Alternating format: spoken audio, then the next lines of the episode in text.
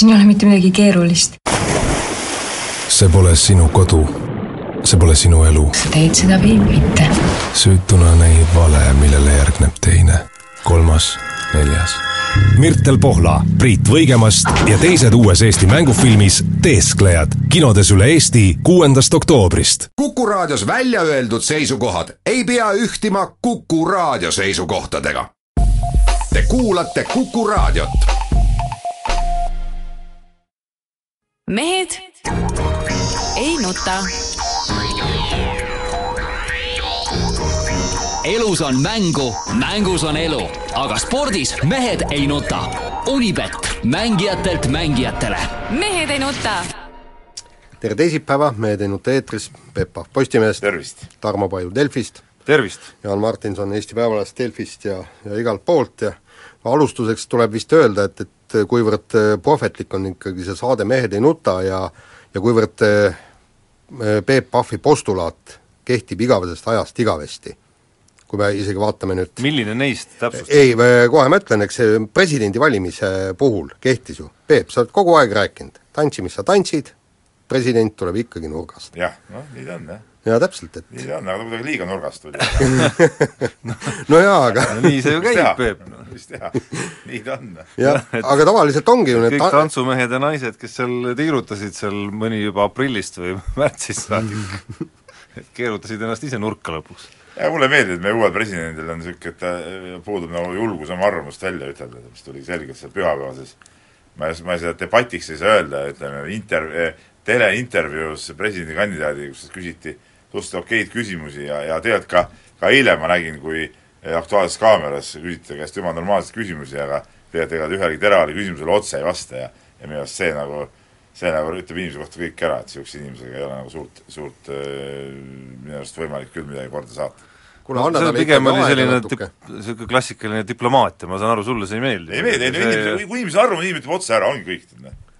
Väga lihtne, mis, mis, mis asi keerutada siis, noh. ei no aga Peep, anna aega nüüd. ei, ei millist aega, kui su käest küsitakse küsimus, siis vasta küsimusele normaalselt. pigem rohkem, pigem rohkem mind häirib üks asi, kuigi üldjoontes ma pean ütlema, ma olen selle valikuga täitsa rahul, et kui ma panen tema kõrvuti nende kandidaatidega, kes enne oli, võrdlen neid üks-ühele, siis siis minu eelistus pigem langeks ikkagi Kersti Kaljulaidile või Laiule, kuidas iganes te soovite seda nime nüüd käänata, et, et, et iseenesest mulle see nagu lõpplahendus meeldib, aga noh, ütleme, võib-olla ma arvaks teistmoodi, kui ta oleks samamoodi pool aastat vähemalt seda rallit kaasa teinud, et selle jooksul oleks jõudnud ikkagi võib-olla natuke rohkem selgeks saada, kas kas ja kuidas, kuidas ta, kuidas, kuidas ta nagu, kuidas ta nagu siis päriselt on. üks asi veel, ma ei tea, kas te käite, kas Eestis on mingi üks inimene, kes õpetab neid algajaid poliitikuid kõnelema või, või rääkima, et nii nagu Marina Kaljurand, nüüd ka Kersti Kaljulaid, räägite ühtemoodi nagu masin, see on see, mis ma tahtsin jätkata, just, et nagu, nagu masin nagu, räägite. koledalt, ikka mõelge nüüd ise, kuulake mõnikord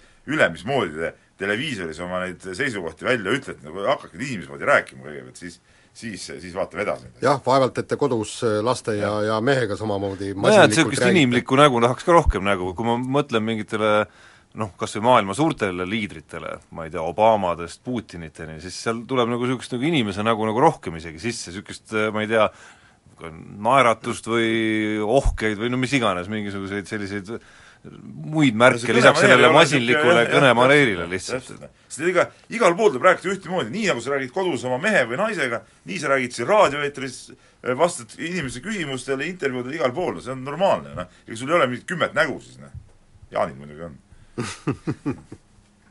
no nii, kuule, aga lõpetame selle presidendiralli, räägime ja. spordist ka ja räägime võrkpallist ja noh, Eesti mängis EM-i valikturniiri play-off'is Läti vastu ikkagi noh, varba vähemalt ukse vahele, võib niimoodi no, öelda, kolm kaks mingit varvastel ukse vahel muidugi ei ole. no ikka on. on, ikka natuke on. igal juhul kodus võita. ei no jaa, aga seis on igal juhul parem, kui, kui oleks ta ei no parem oleks siis, kui oleks võit kolm-üks või kolm-null, eks ole, siis oleks seal no jaa, aga ikkagi, jaa, jaa, aga noh ikkagi, kui me võidame mis iganes tulemusega, siis kuldset geimi ei tule. selles mõttes on ikkagi, ma usun, sellest varba ots on ikka sealt ukse vahelt läbi. ja põhimõtteliselt, kui me kaks geimi kätte saame, siis on vähemalt kuldne geim olemas, nii et, et see, see on nagu hea, aga, aga noh, ütleme niimoodi, et vaatasin ka seda mängu ja, ja noh, tegelikult ma oleks oodanud siiski, et, et et Eesti oleks veidikene kindlamalt üle olnud, aga, aga noh, vaadake seal no, kahe võrdse meeskonna mäng oli, nagu ma aru sain. jah, jah, ja, ja, ja, ja tegelikult oligi, no noh, tahad, mis sa taha äh,, ei taha, aga äh, Robert Täht päästis ikka selle mängu ikkagi otsustavatel momentidel, oli, oli just tema, kes neid palle maha lõi ja kõik, et et noh, ma, ma, ma ei, ma nii põhjalikult äh, siiski võrkpalli ei tunne, ma saan aru, et kui korvpallis oleks nii, siis oleks double team, eks kahe mehega hakataks teda võtma, kas kas on võimalik kuidagi moodi seda Robert no, mängu kindlasti ära? on, vastavalt sellele pannakse ju plokki ette, eks ole, et, et no ega meie on... muu meeskond ja muud lööjad nüüd nii, nii sellised lambivennad küll ei ole, et sa saaksid nagu niimoodi tähe peale keskenduda. ei, ei, plokis ikka mängitakse teatud kohti, kuidas ta lööb, mis liin seal nüüd kinni pannakse kas see keskmine mees tuleb, kui kiiresti sinna juurde tuleb ja nii edasi, et, et need asjad kõik ikka, ikka vaadatakse jaa, aga noh, Täht ikkagi on näidanud, et ta on selles mõttes lööjana, noh ta ei ole mingi umbes rapsija seal, et et ta ei lähe lööma täiesti nii-öelda tuimalt silmad kinni lihtsalt, sõltumata sellest, missugune see plokk seal vastas on, et et nii palju on Tähes kindlasti mängutarkust, aga aga noh, mis nagu miinuspoolelt vaatab, siis jah, me oleme saanud siin hõisata ju mingil perioodil, et voh, meil on äge, äge valik seal äh, Venno asemel tuleb Teppan ja Teppani asemel vajadusel Venno, aga noh, praktika on näidanud, et et neid mänge on olnud nagu vähe, kus mõlemad siis kannavad näiteks ühe mängu lõpuni, algusest lõpuni välja ja ja nii-öelda meeskonna vedaja, et et seda ikkagi ei ole, et siin räägiti enne valikturniiri Venno supervormist, eluvormist, aga ega seda me siin äh, väga ikkagi ei näe, et no põhi-, põhimõtteliselt vaata, oleks Täht ja Venno, Venno mõlemad niisugused paugutavad, siis no Lätil poleks isegi mingit lootustki. aga lätlased olid ikka nagu noh, seda räägiti muidugi enne ka, aga nüüd oma silmaga vaadates lätlased olid ikkagi noh, neutraalselt võttes nagu sümpaatselt head tegelikult. väga, väga kõvasti tuhhi täis nagu. no tuhhi täis ja niisugust meisterlikkust ka, see, see suht keerulise nimega põhipommitaja neil, et mis seal salata, see oli ikka päris kõva klassiga mängumees.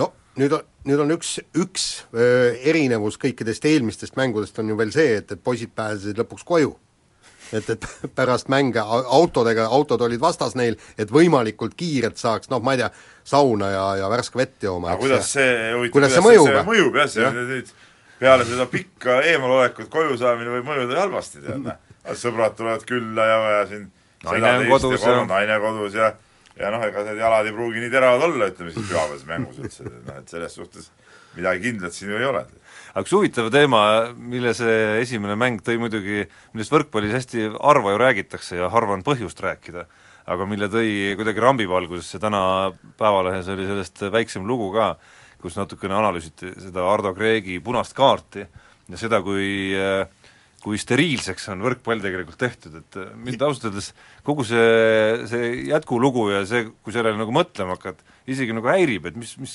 pagana pull see on, sa ei tohi vastase poole isegi kurja pilguga vaadata. just, aga mis, te, mis te nüüd nalja teete? ei kuule, riigi on, on sealt ju kontakt, võrk võtab igasuguse see ongi, see ongi üks asi, mis pärast võrkpall ei saa kunagi nii populaarseks, kui ütleme, on jalgpall ja korvpall ja niisugused mängud.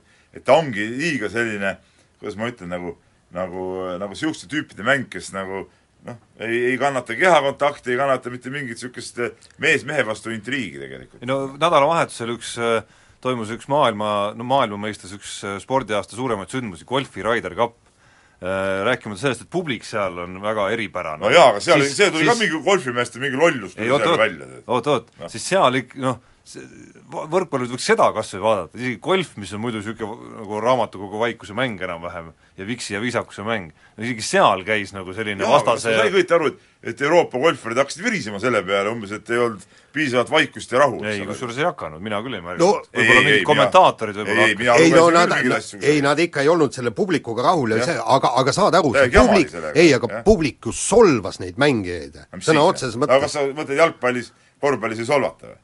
No see ongi, see käib mängu juurde. aga oota, tuleme nüüd võrkpalli juurde tagasi, et et noh, ma ei, see tundub mulle, et me oleme Kossus kritiseerinud mingeid otsuseid, kuidas on tehnilisi hakatud aina rohkem vilistama, et miks peaks noh, sellise väikse nagu trash talk'i eest seal kuskil võrgu vahel, meeste vahel, hakkama nagu kohtunikud sekkuma, mina sellest küll aru ei saa, mida see võrkpallimängule annab. kuule, ma, ma kahjuks äh, ütlen sulle, et kogu sport liigubki sinna su-, suunas, näiteks ma jälgin ju NFL-i, seal on sama värgiks läheb kõik jaa, ja see on sama absurdne, seal ei tohi näiteks tõesti rusikaid püsti pärast väravat visata vastase suunas, sest see on vastase mõnitamine. sa ei tohi palli pärast touchdown'i veerlema panna vastase suunas, sa pead vastasele selja pöörama, paned palli keerlema ja karjud hurraa aga nii, kui sa seda vastase poole teed, on vastase kui me mõnitamine. tuleks võrkpalli juurde tagasi, siis selline legendaarne liber nagu, nagu Raigo Tatrik ei saakski enam tänapäeval võrkpalli mängida, sest et sest ta ju peale igat ütleme, niisugust emotsionaalset punkti ju röökis vastaste suunas, tegi seal igast asju, jumala äge vend, no super värk, tõmbas meeskonna käima, tegi kõva mängu,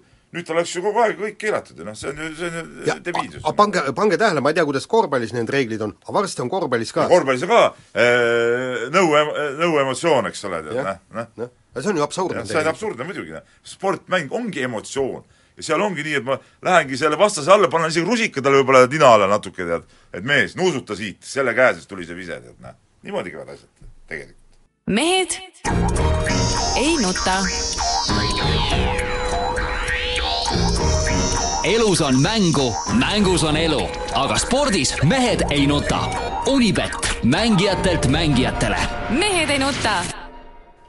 jätkame saadet kiire vahemänguga ja tuleks ala, alustuseks sõudjate juurde ja noh, lööme häirekella, ma arvan. lööme häirekella, sellepärast et no kõik need eksperimendid ei no see, Jaan, sa oled jälle valesti asjast aru saanud No mingit häirekella siin ei ole vaja. see ei ole mingi eksperiment, see on lihtsalt selleks, et et mehed saaksid natuke ennast tuulutada, keegi ei kavatse ju mingit kaheksa paati kokku jätta, no see on lihtsalt nagu üheks korraks tulevad kokku, sõidavad, noh No- miks ka mitte, noh. no milleks on seda vaja ette- see on on? nagu ettevalmistus hooajaks, noh. no mingu sõitku siis sellel paganama jelgava aerul või mis, mis mis paganama väiksemad regatid siin on, eks, et aga MK-le minna või MK-l sõita, mis vahet seal on?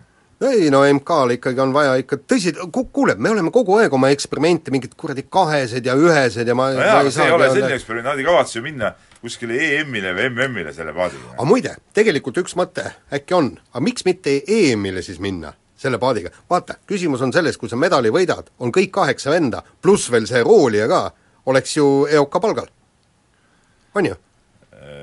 Nojah, Ja- no kui MK-etapp äh, näiteks peaks näitama, et äh, selline kooslus on äh, noh, näiteks jõuavad esimesel katsel kohe finaali näiteks, noh, siis miks mitte kaaluda selliseid asju? mäletad, kui, miks samas pärast need, samas sa riskid, Jaan, ju sellisel juhul sellega, et sa selle üsna kindlana tunduva neljapaadi toetuse ei, nii-öelda aga miks neil on ju, neil on ju olemas ju, neil neil on juba toetus, neil on niikuinii maksimaalne. ju, ju, pikk toetus olemas. kuule, mäletad, et tegelikult nad ju skeemitasid ikka päris piisavalt, vaata kui see EM, EM-ile ke- keegi nagu õieti kohale ei tulnud, me läksime alati täiskoosseisuga, noppisime seal medaleid ja, ja nii saidi, saidki ju, ju need nii-öelda teise kategooria sõudjad said ka ju kenasti palgale. No see, vot see nagu- oleks idee. see oleks nagu idee, jah, jah. kuidas ikka rehepappi saaks teha, eks ole? aga Ei, mis mis on siis paha jälle või? ah, Ei ole. rehepapp on õige vana, tead, noh.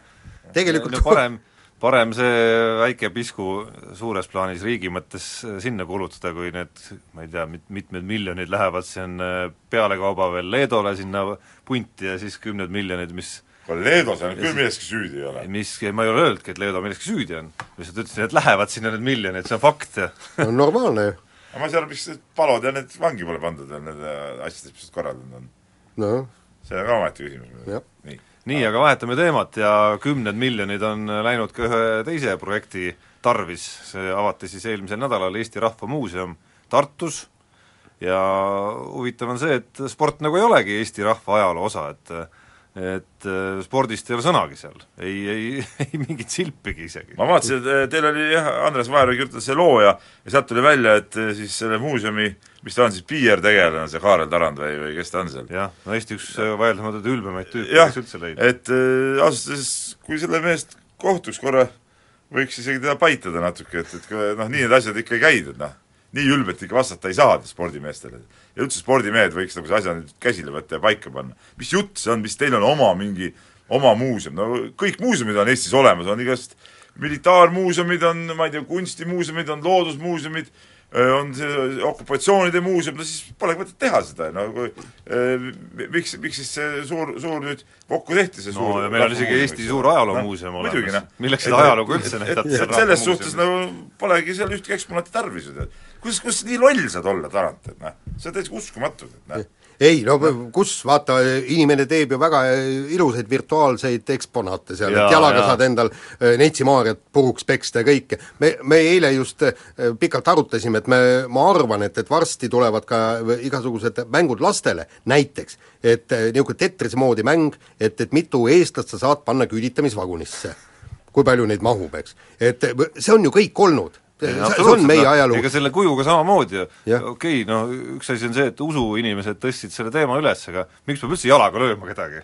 jah, noh, on nagu äge või? aga piltlikult öeldes otseselt kedagi ei löödud, mis löödi ikka mingisse eh, ütleme, eh, nagu no, märklauda no sisse purvis seal kuskil sümboolselt Ah, ikkagi löödi ju Neitsi. Maarjat siis. ja, jah jah, ja teine, teine pa- pakkumine oli see, et, et kindlasti ma olen täitsa kindel, et, et Eesti Rahva Muuseum võtab selle varsti käsile, et näiteks lastel mäng, et mitu juuti sa suudad ühe minutiga ära põletada. no täpselt sama on, see on, see on olnud Kloogal paraku. mitte midagi ei ole Jaa, teha, jah. selles suhtes küll ja ma ütlen, et et tegelikult võiks ju siis nüüd vahetada välja selle, selle Tarandi panna sinna selle koha peale, kus saab, saab usitada. Spordimehed. siis tulevad ja käivad seal. et neil nagu midagi muud vaadata ei ole ja siis noh, siis saab vähemalt nagu teha, vaata. teha midagi vähemalt. oma rammu näidata. nii. aga äh, oma ramme näitamata Makedoonia võrkpallimeeskonnal siis nagu Euroopa meistrivõistluse kontekstis ja, ja, ja nad esitasid äh, protesti selle peale, nad olid väga pahased siis, et Eestil õnnestus äh, valikturniiri viimases voorus Tšehhit võita ja ja pahased olid sellepärast, et Tšehhi tuli, kellel oli juba kõik klaar ja esikoht kindel, tuli Eesti vastu mängima teise koosseisuga ja Makedoonia meeste arvates oli see ebasportlik käitumine vastuolus võrkpalli väärtustega No, aga ja natuke me- oli, eks ta me- natuke oli ka tegelikult selles suhtes, et eks me oli viriseks ka, Peep, päris palju, kui ütlen. meiega oleks nii juhtunud. aga ma ütlengi, et natuke oligi nii, jah. ma Ei. mõistan seda äh, ja seisukohta. muide, aga, aga meie noor reporter Märt Roosna tõi välja väga huvitava punkti, ütles nii, et, et miks oli see öö, Eesti-Tšehhi mäng viimane. sellepärast, et turniiri korraldaja pani kõige tugevama vastase endale viimaseks mänguks, on ju, eks. Nii et, et palun, Makedoonial on täiesti võimalus jõuda sellele tasemele, et järgmisel turniiril pannakse nemad viimaseks mängu, sest ükstapuha Makedoonia tase Eestile muidugi alla jäänud, olgem ausad, ei no jaa, aga, aga, aga sahmakat meelde. ei no tuletame meelde küll, aga, aga ta peab ka kokkuvõttes öö, oluliselt tugevamaks saama ja siis oleks nemad seda mõnu nautinud. ei, ei no see on selge jaa, ma ütlen, et noh, tegelikult see, eks ta on nagu ta ole, aga noh, seda jälle kui jõuame finaalturniiri, mäletab muidugi keegi ja meil, meie ütleme, et kõik on hästi. noh. nii, aga võtame järgmise teema ja räägime siis äh, Siim-Sander Venest, kes on äh, õigesse parteisse astunud, et äh, kui ta Venemaale mängima läks, siis teatas, et alguses tundus kõik see nii kõhe, aga tegelikult on päris mõnus. et vene kultuur ja vene inimesed on väga abivalmid ja no ma arvan, vastab et kõik ju tõele. Kõik, kõik, me oleme Venemaal käinud, eriti seal nendes niisugustes ma ei mõtle siin Moskvat ja Peterburi, vaid veel mingites linnades, noh, seal on ju eriti tore olla tegelikult, noh. Et seal on inimesed tõesti toredad ja, ja, ja, ja midagi, midagi seal häda ei ole, no kuule, üldiselt on nad ka suurtes linnades täitsa toredad, tavalised inimesed. jaa, ei muidugi, suhtes isegi, isegi mina, kes ma ei ole, kes ma ei ole võib-olla nii koduselt ei tunne ennast, siis eh, hoolimata mõningatest vahejuhtumitest noorpõlves seal, kus Kremlist Krem- või sealt Punaselt väljakult taheti miilitsasse viia hoolimata sellest isegi on mul täitsa soojad tunded selle piirkonna vastu ja nende inimeste vastu. ei see koha, ma ütlen, kohapealsed inimesed on, on okeid, et selles suhtes on tore ja ja mis Siim-Sandarit Venet veel puudutab, siis noh, tore on, et ta on ikka nagu, ongi ikkagi nagu põhimängumees praegu. vaatame, kuidas see klubil minema muidugi hakkab. jah, kolmkümmend minutit. nii, tuleks viimast võtta sellest kõigest. mehed ei nuta. Elus on mängu, mängus on elu, aga spordis mehed ei nuta. Unibet, mängijatelt mängijatele. mehed ei nuta. meie teinuta jätkab saadet, Peep Pahv, Tarmo Paju, Jaan Martinson ja Peep, kirjad, kirjad. ja kirjad, kirjad, jah. see lihtsalt äh, nagu eetriväriselt on meil alati huvitavad jutuajamised ja ikka alati tuleb, tuli jälle välja, et No. ütleme, ei, me, ei hakka sisu muidugi rääkima, aga lihtsalt, et mõned, mõned mehed lihtsalt tegelevad ainult suurte asjadega, aga siis mõned, kes peavad tegelema nagu kõigega, noh. et siis niisugune väike mõistukõne, kes meist tegelevad ainult suurte asjadega, kes meist No. tegelevad kõigiga. no Peep tegeleb väikeste asjadega, see, nii palju vihjeks võime küll öelda. midagi ma ei arvan, Tarmo noh, sina tegeled ka väikeste ei asjadega? saaks nii öelda ikka. aa, üldse ei tegele, okei okay. mõned suured asjad on ka. no olgu. nii, aga võtame kirjad ette ja ja Indrek saatis meile ühe huvitava Youtube'i video ja küsib, kas selline siis ongi USA korvpallitarkus. jõudsid sa vaadata seda? vaatasin. ma ei saanud täpselt aru, kuhu, kus see õige koht pidi tulema seal? ei, seal see koht oli, kogu see video oligi õige koht. et eh, see oli mingi arusaamatu, ma muidugi ei süüvinud väga, et mi-, mis võistkond seal mängis, põhimõtteliselt mingi koolipoiste mäng oli. ja see oli tõesti mingi arusaamatu asi, mis seal toimus ja, ja ma võin Indrekule ütelda, et et see ei ole USA korvpallitarkus. USA korvpallitarkust ma soovitan otsida näiteks eh, olümpiamängudelt või maailmameistrivõistlustelt või NBA ülekannetest.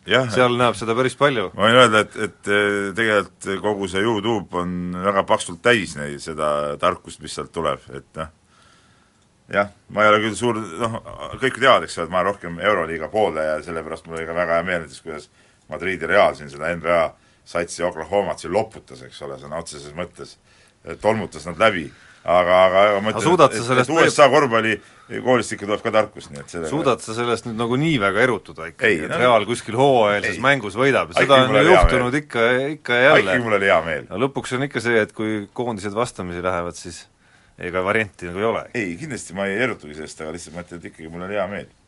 nii, Jaan, nüüd on küsimus otseselt nagu, nagu sinu teema ja kirjutab meile Andres Herr ja kirjutab nii, et tundub, et miljonäri proual on raha otsas ja peab kooli lõpetamiseks EOK-lt raha taotlema.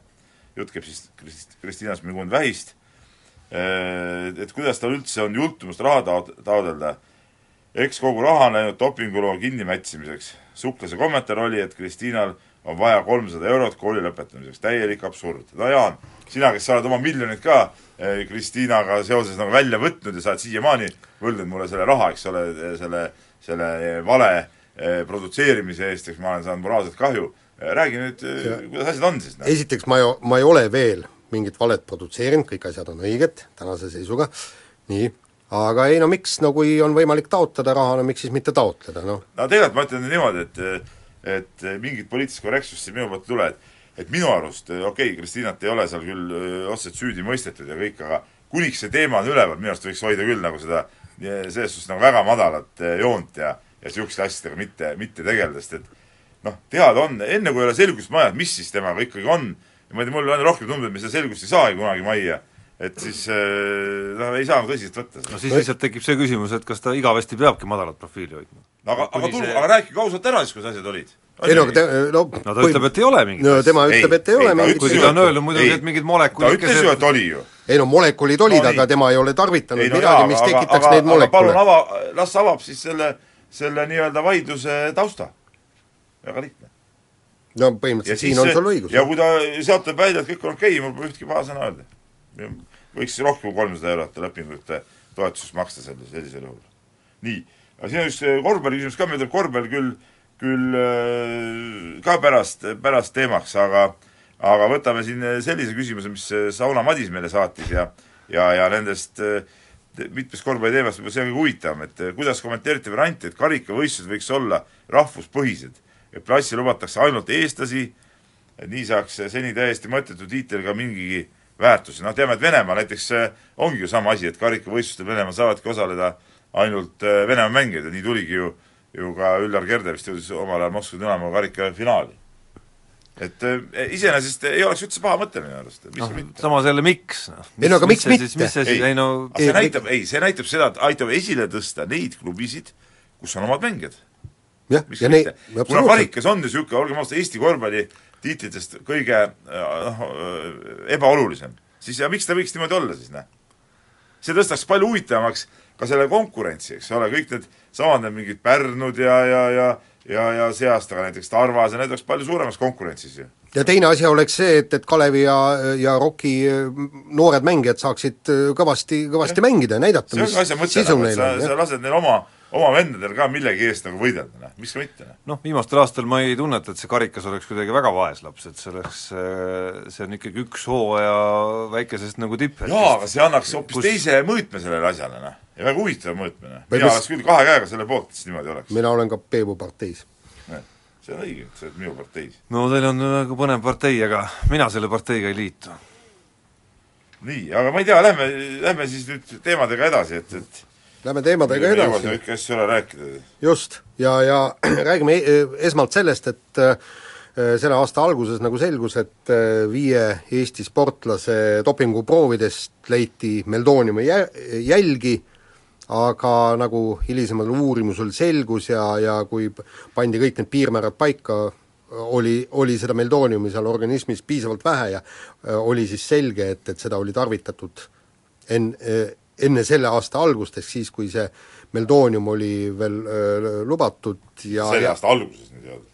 ja ikka oli selle aasta alguses. Selle aasta alguses ei olnud meil toodud lubatud. ei, selle aasta alguses keelati ta ära, eelmisel Jaa, aastal oli lubatud jah, aga enne, enne nad seda ei tarvitanud selle aasta alguses, tarvitasid seda ikka Ja, eelmine aasta ja, nagu ja. uurimuse põhjal tuli välja. ja kusjuures noh, tähendab, ütleme niimoodi, et, et mul oli siiski, siiski küllaltki hea meel, et, et meil äh, väga paljud sportlased on, on äh, täiesti professionaalsed ja, ja tarvitavad seda ainet, mida tegelikult Mis on lubatud. mis on lubatud ja mis, mis on terve Ida-Euroopa tippsportlased, kui me no, no põhimõtteliselt praktiliselt kõik noh, nüüd praegu tulebki Maria Šarapova case on täna öö, otsustamisel ja kõik, et et, et see öö, noh, ma olen öö, rääkinud tohtritega, arstidega, nad ütlesid, et, et see on väga kasulik, kasulik aine, see ravim, see Mildronat, mis, mis tugevdab südant, eriti just rasketel treeninguperioodidel ja see kaitseb sportlase tervist.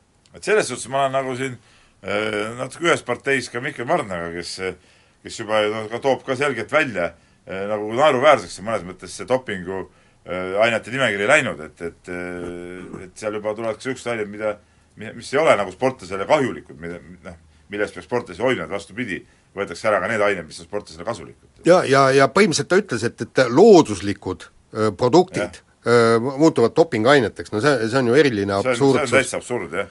et selles suhtes äh, on, on nagu, on nagu asi läinud natuke üle piiri, et, et ütleme igatviisi dopinguvõitlus on, on niisugune kummaline ala, eks ole, et, et et kunagi puhast sporti ei saavutata ja, ja see võitlus ise noh, muutub ka niisuguseks noh, kuidas ma ütlen, ta läheb nagu kontrolli alt välja. jah, sest dopinguvastase võitluse esmane eesmärk oli ju kaitsta sportlase tervist, aga kui me paneme meldooniumi, paneme keelatud ainete nimekirja, siis see tähendab seda, et sportlane ei saa selle ainega oma tervist, oma südant aga mis kaitsta. mind pani imestama, see, et neid sportlasi oli nii vähe seal, et ütleme No, no, tõesti neid- viis sportlast, kelle, kelle proovis seda tuvastati, kes on ütleme eelmise aasta lõpus seda tarvitanud ja ma eeldasin, oleks eeldanud, et neid sportlasi on isegi palju rohkem. no see ju ei tähenda, et neid kokkuvõttes ongi viis. ei, ei kindlasti mitte. Aga no et ma arvan, arvestades et- palju proove on võetud, siis oleks võinud see arv ka suurem olla. noh, igal alal ei ole ju sellel meldooniumil ka võib-olla nagu tolku ikkagi. aga, aga jah, noh ütleme males niimoodi ja kabes ei ole, aga ütleme nendel aladel, kus ikkagi teed äh, füüsilist vastupidavustreeningut, on ta igal juhul no jaa äh, kasulik. ma ei ole kindel, et neid eh, dopinguproove on nii palju võetud ikkagi sportlastelt, et sest see on noh, ütleme pärast, pärast märtsikuud enam seda, seda meldooniumi ju organismis leida ei olnud, et aga pigem jah, tuleks siis erinevalt Maria Šarapovast tunnustada sportlasi, tulles algusele tagasi, et vähemalt uudiseid jälgitakse, loetakse läbi need dokumendid, mis tähistavad siis dopingureeglite muudatusi ja ja suudetakse siis vastavast kuupäevast eh, korrektuurid oma menüüs teha. jah, aga no si-, siin lihtsalt sportlased ei teadnud, et see meldoonium niivõrd kaua organismis püsib ja kusjuures mi-, see on, ei teadnud ju ka äh, Vada ise. Vada ise, eks ole, see on näitab järjekordselt Vada järjekordselt nagu, nagu ebaõnnestumist muidugi. Ja kusjuures- ja kusjuures Mihkel Mardna just palus, palus kiita Eesti antidopingut, et teavitustöö on tõesti läinud täiesti uuele tasemele nüüd. Nii, aga vahetame teemat, läheme korraks koduse jalgpalli juurde, koduse jalgpallihoo, kodune jalgpallihooaeg on lõppemas ja kui siin noh, ütleme, kõvemad jalgpallihullud võib-olla on jälginud seda tihedamalt, siis äh, hõredamad jalgpallihuvilised vaatavad või on vaadanud läbi hooaja ja läbi aasta seda tabelit ja vaadanud, et ahaa, et Infonet on seal esikohal ja noh, et küll sealt lõpuks tulevad võib-olla ikka need vanad tuttavad Levadiad ja Kaljud ja Florad ja asjad selgeks saavad, siis nüüd pärast seda, kui nädalavahetusel Infonet ja Levadia mängisid omavahel viiki väga tähtsas mängus, kus oli Levadial võimalus ikkagi võtta see nii-öelda parim stardikoht enne viimaseid voore enda kätte, siis eh, nüüd on ikkagi seis selline, et neli vooru on jäänud ja Infonet on ees, mis tähendab, et eh, et kõik, kõik on ikkagi nende kätes Eesti meistrivõistlustel ja ja mõnes mõttes ajalugu on ikkagi juba päris, päris lähedal. no ütleme, see oleks ikka löök allapoole vööd nendele nii-öelda suurtele klubidele, kui see Infonet nüüd suudaks eh, selle asja ära teha. ei no aga kui sa vaatad selle Infoneti koosseisu, ikka väga pro-klubi ja tegelikult noh, ma, ma ise ei ütleks küll, et, et see Infonet nii väga väike klubi on, et ta, ta on tõesti see nii-öelda neljas suur klubi on juurde tekkinud lihtsalt Eesti jalgpalli, muud midagi. ei no koosseis on muidugi hea jah, et, et kui me vaatasime, siin on äh, just ennistki uurisime seda koosseisu natuke endisi Eesti koondislasi, ka praeguseidki, eks ole, et, et, ka mitte, aga lihtsalt noh, ikkagi kogu aeg räägitakse ja ütleme, paistavad silma ikkagi need kolm suurt klubi, et, et et see Infonet ikkagi, kui ta suudaksid ära võita, siis siis võib-olla see näitas ka seda, et, et nendes teistes klubides suuri süsteeme siin tehakse, aga võib-olla ei ole jälle asjad kõik nii nii õigesti tehtud. ei no jaa, aga noh, siis öeldakse jälle, et, et üks ütleb, et, et nad panustavad noortele ja Eesti jalgpalli arengule ja meistritiitlid neid ei huvita ja küll need teised ka oma vabandusi leiavad. no Infonetile ei saa nüüd ette heita seda, et nad ainult, et nad oleks klopp, kokku klopsinud nüüd täitsa tühja koha pealt mingisuguse satsi, okei okay,, nad on muidugi toonud Eesti koondise ja endisi Eesti koondise mehi endale ka tugevduseks, kes loomulikult äh, põhiraskust ka kannavad ja on seal ka välismängijaid, aga noh, see selge identiteet on sellel klubil ka ikkagi olemas. Lasnamäel oma asju aetakse seal, kui ma ise sealt mööda sõidan, siis kogu aeg näen, et lapsed treenivad seal äh, Punase tänava väljakul. no seal kergejõustiku naise kõrval, eks ole, see väljak on, on et selge identiteet on seal ka olemas, nii nii mängijate mõttes, noortetöö mõttes kui ka, kui ka nagu poolehoidjate mõttes ikkagi. ja, ja, ja geograafia mõttes nagu samamoodi. Ja, ja kusjuures väga tore, et, et keegi tuleb siin vett segama, aga no mis see geograafia mõttes on, ikkagi lõppkokkuvõttes Tallinna klubi võidab, et, et noh. Noh, Tallinna-sisese geograafia no jah, sisese ge-, geograafia. Kalju ikkagi ju mingis mõttes mõne, mingi aeg läks ikkagi nagu kunstlikult natukene sinna Nõmme poole minu arust oma asjadega ei, see oli just ajalooline tegelikult. Ja Nõmme Kalju oli kunagi jah, ajalooline tulid alt klubi, alt liigadest tulid üles. aga nad ju mängisid vahepeal just vastupidi, eh, oli see, et nad jaa, vabandust, koduväljak, nad toodi siia kesklinna. toodi siia kesklinna, vabandust, niipidi just. ja ütleme, Levadia on ju oma sellist kohta ka seal kunagi maardus, noh, see oli nagu selline noh, oli ja nagu ei olnud ka ja, ja nüüd seal noh, ega, ega tal endiselt ei ole sellist, selles piirkonnas nagu ole, õiget jah. nagu kohta, on ju. aga jah, ühel hetkel võiks ka mingisugune Pärnu või, või siis Narva Pärnu infonet jah, tulla, tulla ja ka tiitliehitusse sekkuda. mehed ei nuta. elus on mängu, mängus on elu, aga spordis mehed ei nuta. Unibet mängijatelt mängijatele. Mehed ei nuta. saate viimases osas ma just ilmselt väga palju sõna ei saa, sest räägime korvpallist ja noh aga võta. no ei, ma, mis ma siin vägisi hakkan, aga, aga mis ma nüüd ütlen, eks ma vaatasin seda Tartu Rocki mängu Groningeni vastu ja, ja tegelikult hästi sümpaatne mäng oli, et, et ei olnud niisugust äravajumisi ja ja mehed mängisid kenasti ja, ja õigustatud võit, et nüüd tõesti tegelikult juba siit pealt loodaks, et, et äkki pressitakse meistrite liiga alagrupi turniirile, aga nüüd rääkige siis nii Tartu Rockist kui ka Kalev Cramost, et kes, kes väga hästi selle Rapla vastu just ei mänginud. no nagu ma enne kordusmängu Gerd Kullamäega intervjuus viskasin seal ühe küsimuse vahele, et tundub, et selline südamega mängimine on Eesti korvpallis mingi uus märksõna, et et nüüd enam nagu muust ei räägitagi, et pärast seda, kui Eesti koondis noh, selgelt üsna suure südamega mängis oma EM-valikmänge, siis nüüd on Gerd Kullamäe seda Tartu puhul minu arust erakordselt palju rõhutanud praegu selle Kullamäe seda varem ka rääkinud. ta on varem ka, aga see, see kuidagi on sel aastal kuidagi nagu eriti palju kõlama jäänud. nii on jalgpallikoondislased rääkinud, et nad peavad samamoodi mängima hakkama ja nii, nii tõdes Alar Varrak pärast Kalevi kaotust Raplale, Äh, kos-, koduse liiga esimeses mängus, et see oli just see, mis äh, Kalevast puudu oli, aga Tartu juurde tagasi tulles, siis siis ega midagi ei ole öelda, sellist nagu äh, südamega mängimise hõngu oli ikka päris kõvasti seal sees. päris kõvasti ja sellist nagu julgust ja, ja enesekindlust ja niisugust noh, tulgu mis tuleb, vastukaaluks sellisele nagu ebalusele ja, ja värinale, et ja õnneks, ja õnneks tuli päris hästi, läksid need kolmesedki väga hästi sisse kahes mängus no seda kindlasti ja, ja ütleme, see Rocki selline algus oli isegi natuke üllatav, ma olin, tunnistan ausalt, et ma olin natuke skeptiline Rocki, Rocki, no Tartu võistkonna suhtes, eks ole, et ehm, just see koosseisu poolest mulle tundus see koosseis nagu liiga õhuke, et mängida, mängida sellist mängu ja seda enam, et need legionärid olid ka niisugused noh, noh, on, on nagu on, eks ole, just, just, just ma mõtlen neid, neid Ameerika poolt tulnud, tulnud vendi, et et ega no ega nagu... ka, vabandust, et see, ega ka Dominikas Milka puhul oli teada, seal oli, temast oli teada, mis jaa, aga noh, seal oli ka see küsimärk, et kuidas siis samm kõrgemal nüüd äh, hakkama saab, aga väga hästi on saanud. ei no jaa, aga kõik need küsimärgid legionäride suhtes on ikkagi jätkuvalt ka üleval, ega ega okei okay,, üks teed ühe-kaks head mängu seal, aga no Milka tase on üldiselt teada, eks ole, noh mingi tase tal on olemas, aga nende, nende ameeriklaste suhtes nagu seda, seda kindlust polnud ja ja, ja, ja ja nagu ma olen aru saanud, ega ega nad ei ole ka trennis veel suutnud ikkagi nagu päris, päris selgelt nagu kohaneda selle selle Tartu mänguga, aga, aga samas otsustatud hetkedel jälle see tagamees seal suutis no, on... Äh, suutis päris hästi, Toomas, eks ole, suutis päris hästi vedada seda, seda satsi mingitel hetkedel ja mis, mis no. on eriti sümpaatne, on, on nüüd see, et et Jõesaar on saanud nagu mingisuguse uue hingamise nüüd, et, et tema see, see karjäärikõver, kõik see Ameerikast tagasi tulek siin Eestis, ikkagi suhteliselt nigelad esitused ja mandumine, tundus, et see on üks järjekordne vend, kellest nagu ei tulegi üldse midagi. ma ei taha öelda, et nüüd, et nüüd selle paari mängu pealt oh, nüüd on ilgelt äge, et vana hakkabki niimoodi panema, nii kevadel lihtne, vaatame, räägime seda. jaa, nii lihtne see,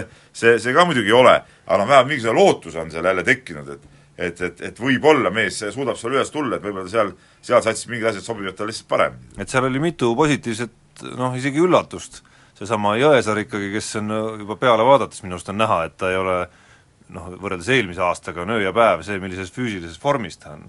et seda on juba näost näha, et sealt on minu arust kilosid läinud ka alla. teine oli kindlasti seesama tagamees Mandel Toomas, kelle kohta Gerd Kullamäe ise oli üsna ebalev ja neid hooajalisi kontrollmänge vaadates juba ja seda statistikat nähes, siis, siis ega sealt ei paistnud välja, et ta väga nagu liidri rolli seal kannaks.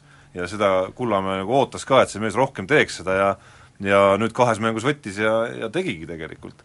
ja neid väikseid üllatusi, positiivseid oli tegelikult veel, kui enesekindlalt Kristen Meister näiteks jaa, aga no nüüd ongi kohe, eh, vaata, võtame tänase neljapäevase mängu, ongi kohe auk sees, eks ole, Kristen Meister vigastatud, et nüüd ongi huvitav, ma eile rääkisin no Gerdiga ka päris, Kullamäega päris pikalt ja ja, ja nüüd kohe väga huvitav, et kuidas ta nüüd eh, kavatseb selle olukorra nagu lahendada, et, et ta toob kaks seitsmeteistaastast kutti koosseisu, noh, keegi nendest noortest tõesti peab mängima, et ma ei usu, et ta suudab mängida kaks mängu ära nii, et ta kasutab ainult äh, seitset meest, eks ole äh,. Ivo Van Tammel selles praeguses rotatsioonis äh, noh, ma väga ikkagi kohta ei näe, et see okei okay,, Vene on küll väljas, eks ole, aga noh, sinna teda toppida pole mõtet, et üks nendest tagumistest meestest peab see Kristjan Meisteri äh, rolli nüüd üle võtma, et et, et kuidas need vennad selles mängus välja veavad ja noh, kuna ma olen ise noh, ka neid näinud nagu noorteklassides palju mängimas ja ja, ja on, on kihvtid kutid, mulle meeldivad mõlemad nad väga, et et kuidas nad seal vastu peavad, see jääb minu jaoks nagu tänase õhtu kui nad saavad natuke selliseks platsile, tänase õhtu kõige niisugune huvitavam äh, moment.